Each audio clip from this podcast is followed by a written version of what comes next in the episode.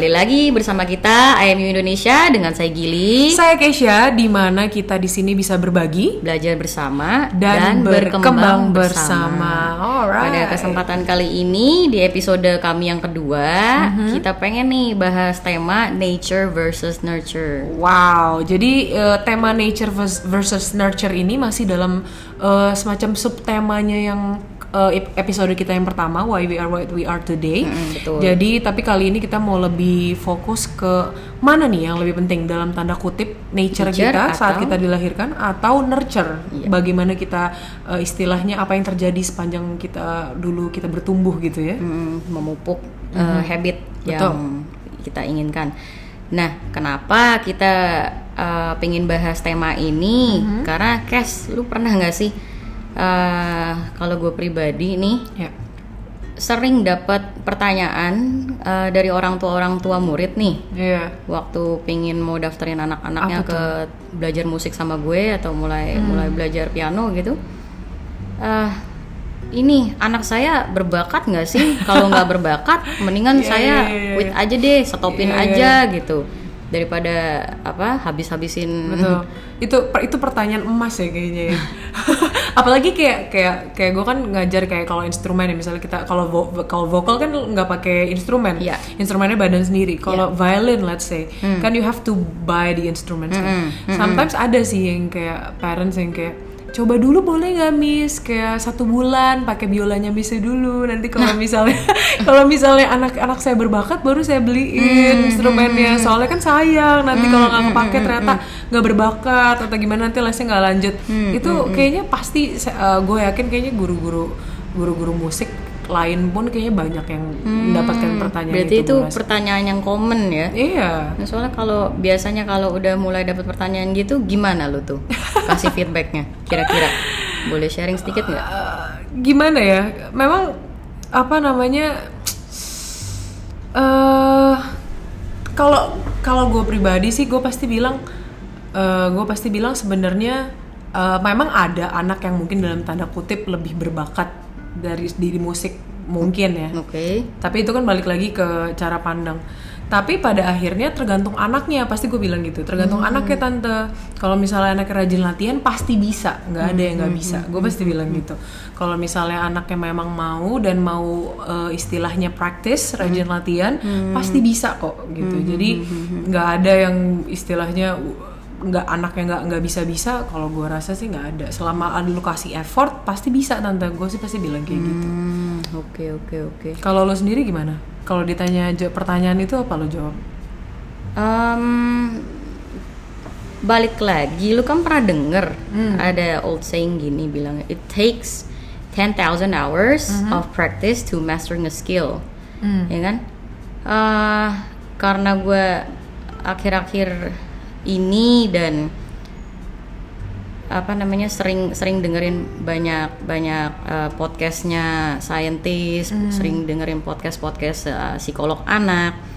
Hmm, ya old saying ini bisa dikonfirmasi. Gitu loh Jadi maksudnya setuju gitu ya? Hmm, setuju dengan it- apa dengan semakin banyaknya jam terbang anak untuk praktis sebuah Hmm. skill.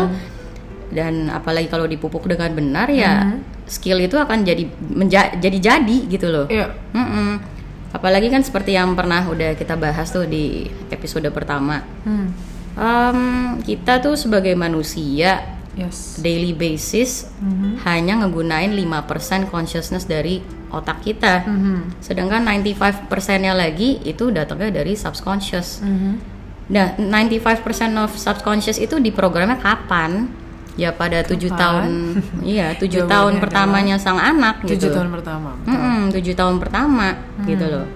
Jadi yang sama saya si tujuh tahun pertama anak itu mereka menyerap segala sesuatu yang mereka lihat dari parentsnya mereka, dari lingkungannya mereka, apa yang mereka rasakan, ya kan, Iya, emosi iya, apa yang mereka rasakan dari orang tua mereka, secara langsung atau tidak langsung ya. Kadang kan parents ada yang nggak sadar, nggak musik mungkin saat mereka marah tanpa sadar mereka mengatakan sesuatu itu affect affect their child's emotion tanpa mereka sadari. Dan itu semua ter apa namanya? Terekam. terekam. Terekam ke software Iya kan? mereka.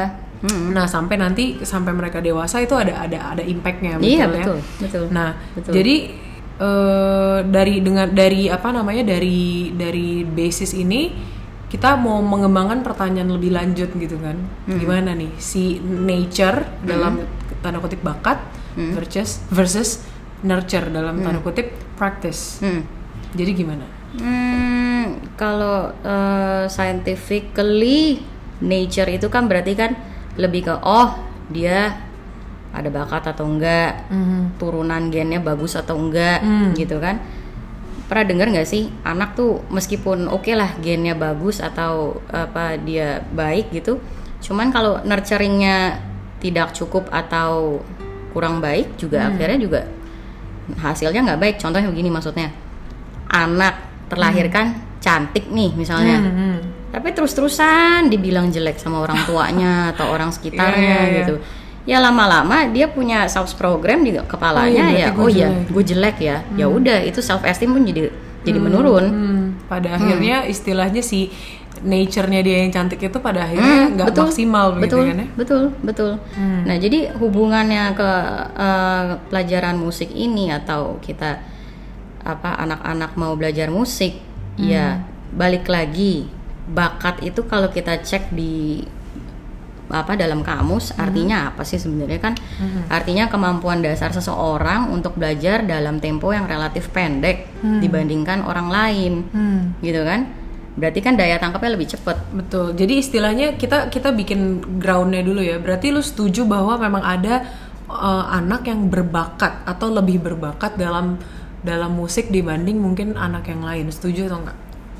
Berbakat dalam arti daya tangkap mengenai sesuatu lebih cepat Iya. dibandingin orang lain iya. Setuju ya? Setuju tentang itu. Gue pun setuju. Memang memang ada orang yang lebih cepat, lebih cepat mengerti ketika kita jelaskan sebuah konsep, kita jelasin, oke melodi itu seperti ini, gimana. Mereka lebih cepat ngerti soal tempo. Memang mereka udah ada si nature-nya yang tadi kita bilang ya, si nature-nya memang dia lebih cepat nangkap sesuatu konsep musical konsep. Memang ada ya. Oke, kita udah kita udah bikin ground bahwa memang memang kita pernah ketemu juga pasti ya murid-murid Ya, yang kan balik- secara Hmm. natur oh lebih cepat nih nangkapnya. Hmm, Oke, balik terus. lagi kan maksudnya kemampuan seor- seseorang itu kan berbeda-beda kan Hmm. ada yang lebih cepat ada yang lebih lambat ya kembali lagi uh, bentuk anaknya seperti apa Hmm. nah cuman faktor nurturing itu juga leb- apa sangat penting Iya. gitu Hmm. misalkan anaknya ternyata bakatnya cepat dalam bermusik tapi kalau uh, faktor nurturingnya kurang ya potensinya nggak akan berkembang dengan Iya. maksimal Hmm, hmm, hmm. Jadi kayak ket- ini menjadi perdebatan ketika kalau misalnya pasti pasti teman-teman yang mengajar musik mungkin atau mungkin kita sebagai orang tua juga ya karena saya juga sekarang ada parents dan mungkin kalau pernah dengar cerita aku gue dulu pengalaman gue sama orang tua dulu kayak apa namanya ketika orang tua memasukkan anaknya ke les musik ya udah dibiarin aja Nah, nggak ada nurturing iya, ya toh? betul. kayak orang tua cuma nanya anak saya berbakat nggak Ah-ah. lalu sudah dilepas Udah, ya toh lepas. Ha, nggak betul. ada nggak ada nurturing nggak ada dukungan nggak ada eh, istilahnya eh, apa ya bilangnya ya grooming yang baik dari parentsnya Mm, mungkin gitu mereka ya punya pemikiran gini oh yang penting saya kan udah daftarin Hmm. anak saya saya udah bayar biaya kursus Hmm. anak ini harus berkembang kalau dia nggak berkembang ya saya ya cut lesson ini gitu loh. Atau mungkin secara dari cara pikir parentsnya mereka udah nurturing dalam tanda kutip. Dalam arti mereka pak, eh, mereka Oh, paksa iya, anak bener, itu bener, latihan. bener, bener, ya kan kayak nyokap gue sendiri kan gitu kan kayak dipaksa latihan. Walaupun kemudian ya udah memang kamu harus latihan misalnya Iya, gitu. bener, bener, bener. atau kayak lu kan juga dulu ketemu guru yang istilahnya Strict. dalam kurung dalam dalam tanda kutip nurturingnya caranya seperti Hmm, itu. nah tapi kan pada akhirnya mungkin ada dampak-dampak yang negatif mungkin Hmm, ke depannya. ya kan jadi eh, hari ini kita mau bahas nih eh, si nurturing yang baik itu seperti apa? Betul ya? Nurturing yang baik seperti apa? Ini Uh-uh, nurturing atau supporting actions yes. ya? Iya mungkin lebih lebih luas lebih lebih mudah di diomonginnya sup- supporting actions ya. Hmm, hmm. soalnya gini uh, kalau mau mem- membebani salah satu uh, party aja nggak bisa sih. Betul. misalnya kayak orang tua punya konsep oh yang penting gu- apa gue udah lesin anak ini di sini ya udah pokoknya gurunya kalau bisa didik dia bagus ya berarti gurunya bagus Iya. kalau gurunya nggak bisa kok anak gua nggak bisa main lagu Berarti nih, salah eh, gurunya. salah gurunya gitu kan padahal kan konsep kayak gitu Iya. harus diubah Hmm.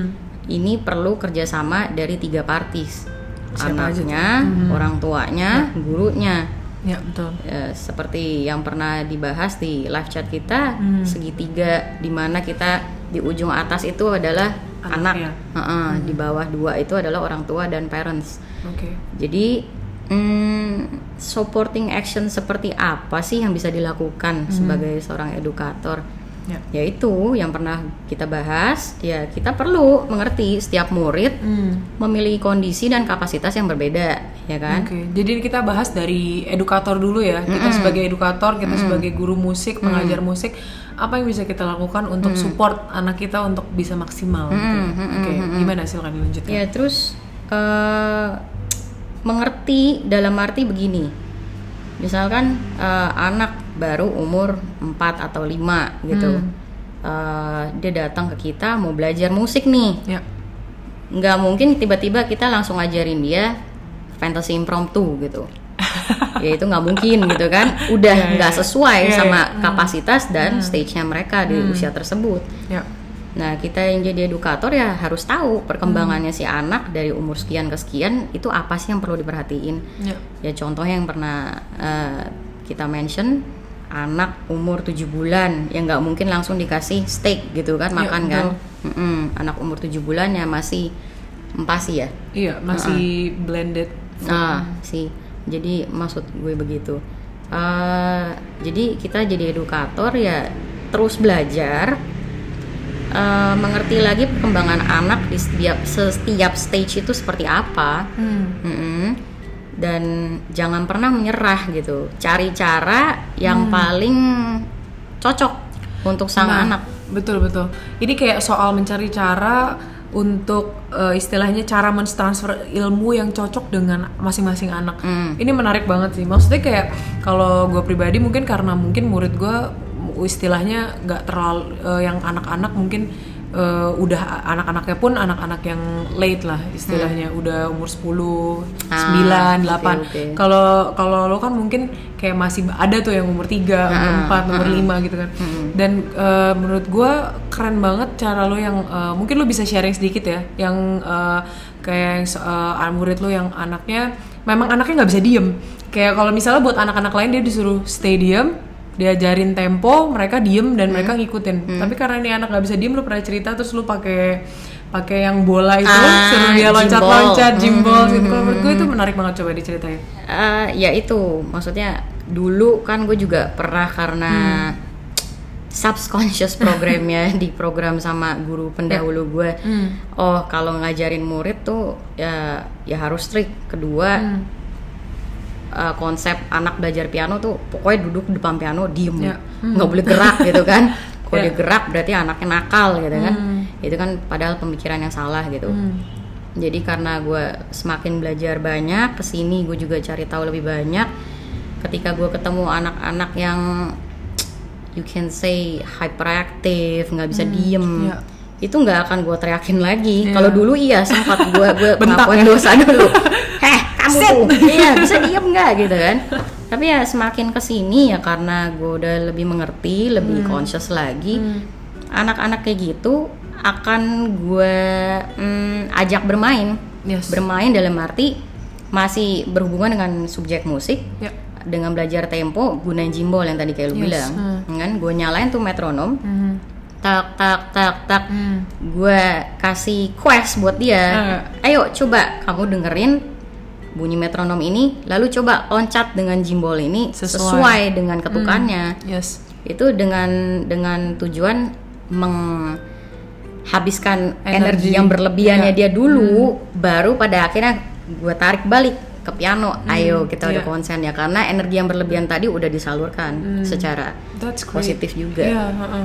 Dan ketika ketika gue lihat videonya kan lo kasih lihat videonya kan, dan menurut gue kayak wow, memang maksudnya memang memang penting gitu dan banyak banyak istilah banyak edukator yang masih belum istilahnya belum conscious soal hal ini Hmm, gitu kan. jadi pada akhirnya dia stres sendiri aduh gimana nih? Anaknya nggak mau nurut Hmm, anaknya bener, bener. too much energy ketika Bener, masuk bener. kelas gue nggak bisa bikin dia fokus sama pelajarannya Bener, gitu. bener. jadi kayak there's so many ways tuh kayak untuk kayak kita dapat attention anaknya dulu supaya kita bisa transfer ilmu dengan maksimal. Hmm, oke great. Next. Nah si nurturing su- atau supporting actionnya itu bukan cuma dari edukator ya. Itu Iya. tadi yang tadi satu sisi edukator. Nah sisi selanjutnya juga parents penting apalagi Betul. untuk yang di bawah 12 tahun. Hmm, si betul. support dari orang tua itu penting banget. Nih kita kita ada istilahnya compile ya beberapa poin Hmm, apa yang bisa eh, dilakukan parents untuk support anak-anaknya dalam belajar musik. Hmm, betul. ini kita udah diskusi kita sebagai pengajar sebagai orang tua juga Hmm, dari pengalaman kita juga sama orang tua kita Oke, ya yang pertama yang pasti adalah orang tua harus tetap involved, Getting involved, ya, betul. involved dalam pembelajaran sang anak. Ketika anak menemukan kesulitan, nah respon orang tua itu penting. Bener. Respon orang tua itu penting. Apakah dia menyemangati dengan benar atau malah mungkin nge-push Ya, tapi malah efek efeknya negatif kan. Ya, betul. ketika anaknya butuh support malah dimarahin misalnya. Ketika anaknya butuh semangat malah dijatuhin semangatnya. betul, ya betul. kan? Jadi eh, nah di di sinilah komunikasi eh, komunikasi orang tua dengan guru di sini penting. Penting betul. Iya, jadi jadi kadang kadang ada orang tua yang cuma nganter jemput anaknya doang, tapi nggak ngobrol sama orang sama sama sama parents ya. Hmm, betul. Ya sama teacher ya, sorry, sama edukatornya. Kalau gue pribadi gue seneng banget kalau ada orang tua yang seneng ngobrol soal progres anaknya. Ah, Iya, pernah nggak pernah nggak ada orang tua yang kayak gitu? ini balik lagi anak aja banyak macem, orang tua juga banyak macem. Iya iya. Jadi ya kayak yang lu bilang, gue juga pribadi happy banget kalau orang tua udah mulai mau involve dalam arti involve uh, nanyain perkembangan anaknya, misalkan kalau lagi belajar lagu tertentu nih, oh uh, kok si ini agak kesusahan ya di lagu ini. Um, Miss boleh coba tolong perhatiin nggak? Nah itu gue lebih lebih Iya, happy gitu akan gue cari tahu kenapa kok dia mengalami mungkin kesulitan di lagu tersebut yang gue kasih jadi Iya, PR gitu kan. Ya kita akan bahas dan kupas lebih dalam lagi. Nah gue bedah lebih eh, simple lagi supaya si anak bisa nangkep gitu kan. Eh, yang sering saya pribadi maksudnya sebagai waktu eh, belajar musik waktu kecil tuh yang sering kita temuin kan apalagi Asian parents ya. Kalau anak nggak nurut tuh udah pasti udah diomelin. Iya. kadang bisa dapat ini eh, pukulan juga gitu Iya. kan. physical apa tuh namanya? I wouldn't say Physical- abuse lah Physical discipline. eh ya, physical Eh, discipline ya. eh. itu benar benar benar. Nah ya itu eh, sebaiknya dihindarin. Ya. sebaiknya dihindarin. Karena kalau anak sering kena physical discipline itu udah terbukti secara saintifik juga bisa nurunin IQ Wow. Hmm, nurunin IQ. Jadi ya sebenarnya supporting actions banyak banget yang bisa dilakuin. Nggak cuman ayo latihan yuk, latihan Hmm. yuk. Betul. Kadang kan namanya mood orang ya. Ya Hmm. kadang bisa capek, kadang memang lagi happy ya dia mau latihan, kadang kalau lagi capek dia butuh istirahat ya udah. Hmm. Gitu loh. Mungkin kalau lagi lagi apa namanya? em, dia lagi down, dia lagi nggak pengen latihan, ya kita yang sebagai jadi orang tua coba cari cara misalnya gini oh ngajakin si anak nonton konser Iya.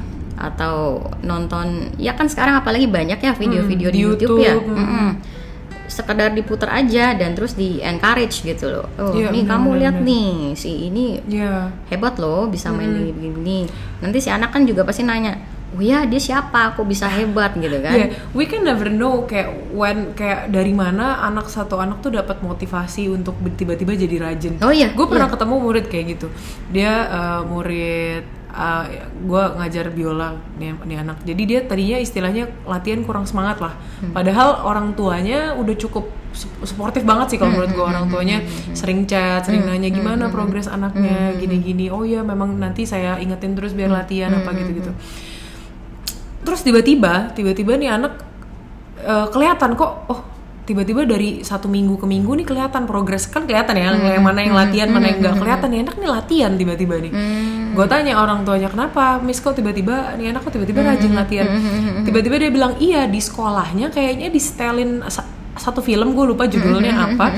terus kayaknya itu di film itu Terinspirasi. iya di film itu ada pemain biola. Oh. dan mungkin kayaknya dia suka. Terus tiba-tiba dia jadi semangat. Ah. you know what? Sampai sekarang dia semangat loh latihan. Wow. jadi kayak maksudnya kita benar-benar nggak pernah tahu dari mana bisa tiba-tiba Dia uh, terinspirasi. terinspirasi dan dapat motivasi untuk latihan. jadi kayak uh, bener-bener yang lo bilang sih kita sebagai parents kayak kita nonton sesuatu nonton konser bareng. bener, bener. mereka kita sama uh, orang tua sama anak bisa share itu Ya. semangatnya bisa share motivasinya. Bener. jadi orang tua pun bisa ingetin oh ya kan kamu mau kan kayak si itu yang di film yang kamu nonton waktu itu. Ayo latihan gitu. Itu menarik sekali sih. Hmm, jadi terinspirasi ya. Betul. Hmm, jadi terinspirasi. Ya itu yang gue mention tadi. Hmm. jadi instead of ayo latihan cepet kamu Marah, gak latihan dihukum." diomelin atau dihukum gitu kan Iya, itu iya. malah ah secara nggak langsung gimana ya ibaratnya kita nanam tanaman atau bunga gitu Hmm. terus tiap hari diomel-omelin bunganya tapi nggak dikasih air nggak Iya, dikasih iya. pupuk ya terus harapannya bunganya berkembang dengan baik kan Iya. itu agak nonsense gitu kan Iya, iya. Iya, mungkin mungkin eh, memang setiap anak kan berbeda. Mungkin ada anak yang butuh disiplin, tapi disiplinnya harus dengan cara Iya, yang tepat bener, gitu ya. bener. Memang istilahnya kita bukan bukan berarti dibiarin aja anak yang Iya, mau mau. Tetap ada disiplin tapi dengan cara yang Betul. Hmm. tepat gitu ya.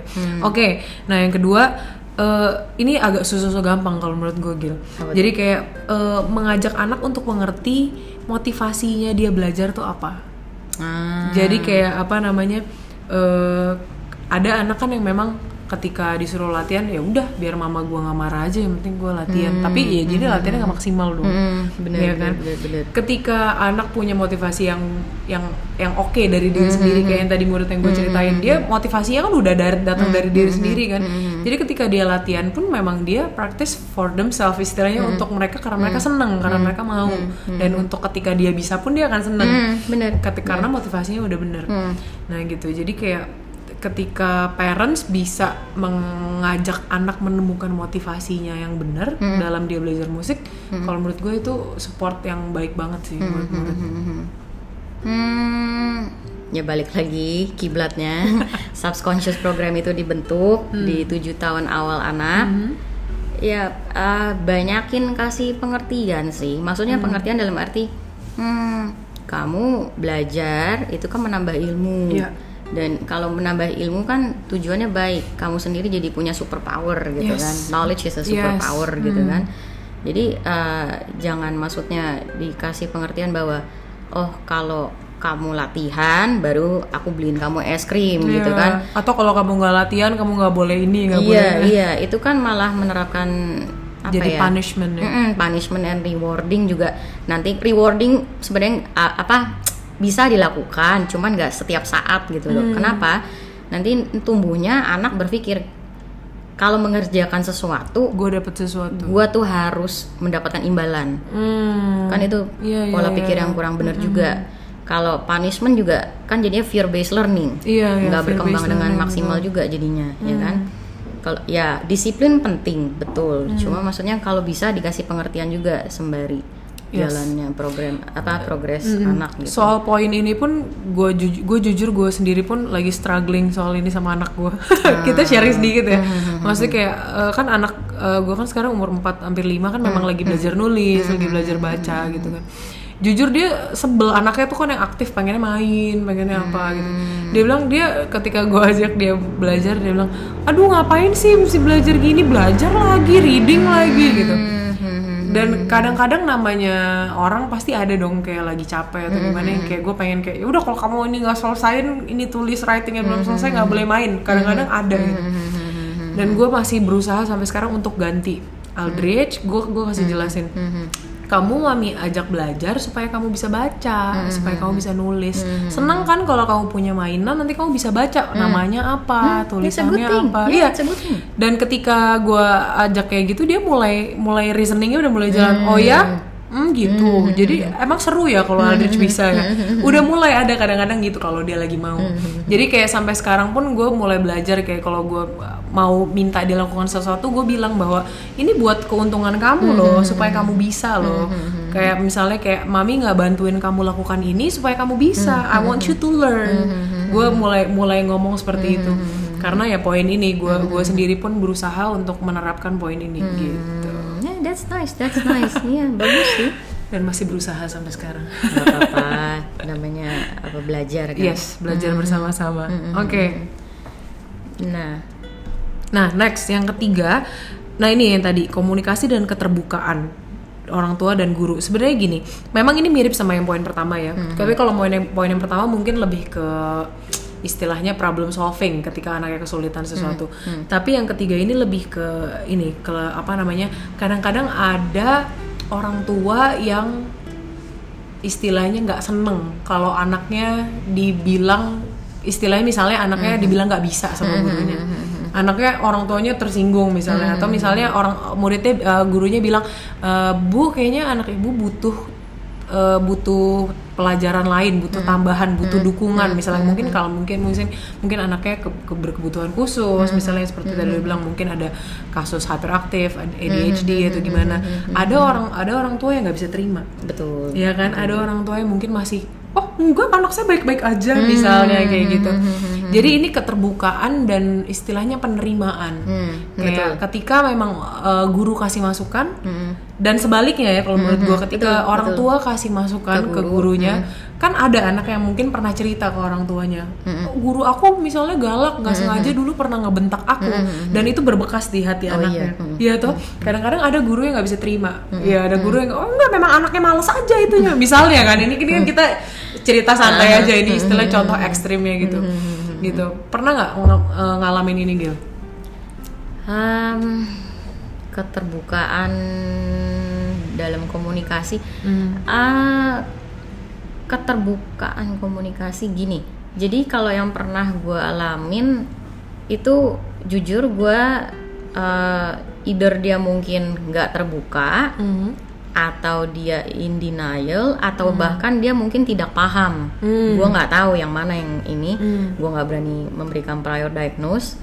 Yang pasti pernah pernah beberapa tahun lalu gue tuh dapat murid uh, bisa kelihatan anak ini tuh attention deficit. Oke. Uh-uh. Terus kalau ketika dia udah mulai stres, dia mulai tuh drooling, mengeluarkan air liur. Oh, gi- eh, istilahnya tanpa dia sadari gitu. Ya, Hmm, Oke. misal itu gue inget banget. Gue lagi ngajarin tuh anak tuh Hmm. cuman dari middle do ke re ke mi. Lagi, Cuma lagi, do, re, mi. Uh-uh. lagi belajarin tiga not itu. Hmm. Karena dia kayak merasa overwhelmed, tiba-tiba ngeces. Hmm. Gue pikir itu dia lagi lagi memang ngeces dan gue liatin pattern ini berulang kali. Wah, setiap kali kalau dia udah merasa overwhelmed ngeces gitu. Hmm, Oke.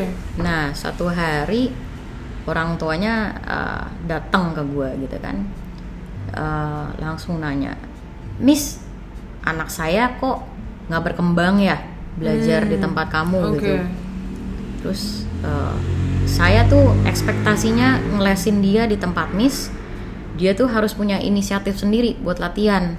Hmm. Nah, Orang tuanya pengennya anaknya is- inisiatif sendiri lah. tuh. Mm-mm, inisiatif sendiri latihan dan anak itu waktu gua ngajar dia tuh dia usianya baru kelas 1 SD itu umur 6 7 lah ya. 6, tahun 7 tahun lah which anak-anak kan Masih eh, belum. eh, belum ada lah self drive ya maksudnya itu harus dipupuk gitu kan ya gue juga sempat shock gitu di, di, di ditegur kayak begitu gitu kan sedangkan anaknya sendiri kalau udah ngerasa overwhelmed drooling Ya. gitu kan. Nah gue juga nggak berani maksudnya eh, ngasih judgement apa atau atau diagnose apa karena gue pribadi bukan psikolog gue bukan gue bukan orang yang apa namanya eh, bekerja di bidang itu. Cuman yang gue lihat sih wah anak ini ada attention deficit gitu. Cuma gue nggak tahu labelnya apa. Itu kan mesti para ahli yang lebih lebih mengerti nah di situ gue lihat orang tua kayaknya nggak mengerti gitu loh Iya. si kondisi anak tuh kalau overwhelm dia tuh bisa seperti itu Hmm. gitu kan sedangkan ekspektasi dari orang tua tinggi anaknya juga tambah stres yang ada stres juga dengan ekspektasi orang tuanya itu dia tambah under pressure gitu ya. Mm, mm, mm, mm, mm. Nah dari situ sih, ah ya itu kalau bisa kita yang jadi guru, jadi orang tua saling terbuka, komunikasi juga bisa berjalan dengan lancar. Maksudnya untuk memaksimalkan si perkembangannya si anak Betul. melalui pelajaran musik ini gitu kan ya itu sih yang pernah gue alamin Hmm. Jadi pada akhirnya sebenarnya dari sharing pengalaman yang lu pernah yang pernah lu alami ini sebenarnya mengacu kepada poin terakhir yang bisa dilakukan eh, orang tua bahwa ingat bahwa kita sebagai edukator dan kita sebagai parents pada akhirnya semuanya kita lakukan untuk kebaikan si studentnya, Iya, si betul. anaknya. Hmm, Semuanya itu student centered. Jadi segitiga yang tadi lu mention di awal itu Hmm. kalau menurut gue memang sangat penting. Jadi intinya memang benar-benar segitiga di awal itu yang di atas itu studentnya, anaknya, Hmm. lalu kita sebagai parents dan sebagai edukator benar-benar harus pikirin semua untuk kebaikan anaknya. Hmm, betul. Mulai dari perkembangan skill, well-being, emotional, sampai social skill semua untuk kebaikannya dia. Jadi memang intinya ketika ada masukan dari orang tua, ada masukan dari parents, dari dari guru, dari teacher, memang itu kita komunikasikan dengan baik, kita terima, kita diskusikan dengan baik, kita cari uh, solvingnya gimana Hmm, nih kita ketika kalibrasi ya iya, antara ketika orang iya betul dan- Hmm. kalibrasi ketika kita menemukan problem kita cari jalan tengah gimana balik lagi untuk kebaikan si Anak. anaknya kebaikan si studentnya gitu. Bener-bener yes. Ya nah itu beberapa poin ya yang bisa kita sharing dari apa yang sudah kita compile. Bener-bener jadi kesimpulannya gimana ibu Gili? Kesimpulannya nature ataupun nurture akan berkembang dengan maksimal kalau kita sebagai orang tua dan guru mau conscious untuk perkembangan maksimal anak-anak. Eh, juga nggak melulu maksudnya ekspektasi kita sebagai orang tua dan guru melulu-melulu itu hanya mengemphasize di oh ini anak harus bisa nih Iya. main lagu ini nih. Mm-mm, itu kan maunya kita ya? Mm-mm, itu kan memang maunya kita. Memang tujuan utamanya anak akan bisa memastering skill. Cuman kan pacing orang beda-beda. Betul. jadi nggak bisa maksudnya kok murid gua atau kok anak gua nggak bisa kayak si itu ya? Mainnya udah bisa. to others. mm-mm. Ya memang kalau pace-nya anaknya si anaknya tersebut lagi di masa lagi uh, poin tertentu ya kita asah di poin tertentu tersebut. Mm, jangan dibandingin ke anak orang lain atau murid orang lain. Yes. Mm. sebenarnya itu sih getting in tune sama anak supaya bonding relationship antara anak ke orang tua atau anak ke guru juga nggak rusak gitu loh. Yes itu penting banget sih. Mm. Mm-mm. Intinya sih gitu sih Alright, jadi ketika si nature-nya udah bagus, alangkah baiknya kalau dapat nurturing yang tepat, Iya, dapat supporting yang baik dari lingkungannya, Mm-mm, semua ya. betul. Jadi bukan cuma dari parents aja, Iya. bukan dari teachers aja, tapi dari semua yang terlibat. betul betul Ketika dapat nurturing yang baik, nature-nya itu kan Mm-mm. bakatnya itu akan bisa berkembang dengan baik. betul jadi ada old saying lagi bilang kan it takes a whole village to teach a kid kan? Yes, that's right. Mhm. Jadinya semua faktor ini mempengaruhi, nggak cuma satu lebih penting daripada yang lainnya sih. Betul. Hmm. Semuanya bersinergi Hmm. pada akhirnya. Alright, Oke, nice. I Uh, think that's all ya for ya. today.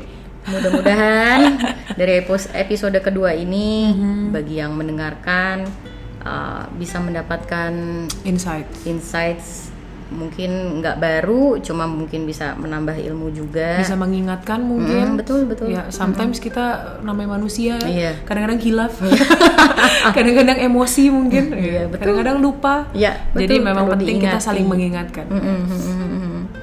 Alright Oke. guys, thank you Uh, for listening. yes thank you Ya, kalau ada saran ataupun kritik diterima Yes. dengan tangan terbuka, dengan hati terbuka, Yep. boleh langsung message ke kami. yes di Instagram kita at imu underscore Indonesia at imu underscore Indonesia boleh langsung DM boleh langsung email juga Hmm. ada di Instagram kita Eh, follow juga buat yang belum follow nantikan terus episode-episode podcast selanjutnya tentunya kita masih akan membahas seputar eh, musik pendidikan musik perkembangan anak Ya. well-being Ya. consciousness Betul. Pokoknya buat semuanya, thank you banget udah dengerin. Kalau ada yang mau sharing, mau cerita, mau ada Atau masukan, mau, mau mengajak kolaborasi. yes atau mau ada mau ngajak kolaborasi, silahkan uh, kunjungi kita punya Instagram, langsung message aja, langsung kita pasti respon langsung. Ya. Oke. Oke, saya Keisha. Oke, saya Gili. Kita pamit dulu. Thank you Thank you. everyone. Bye-bye.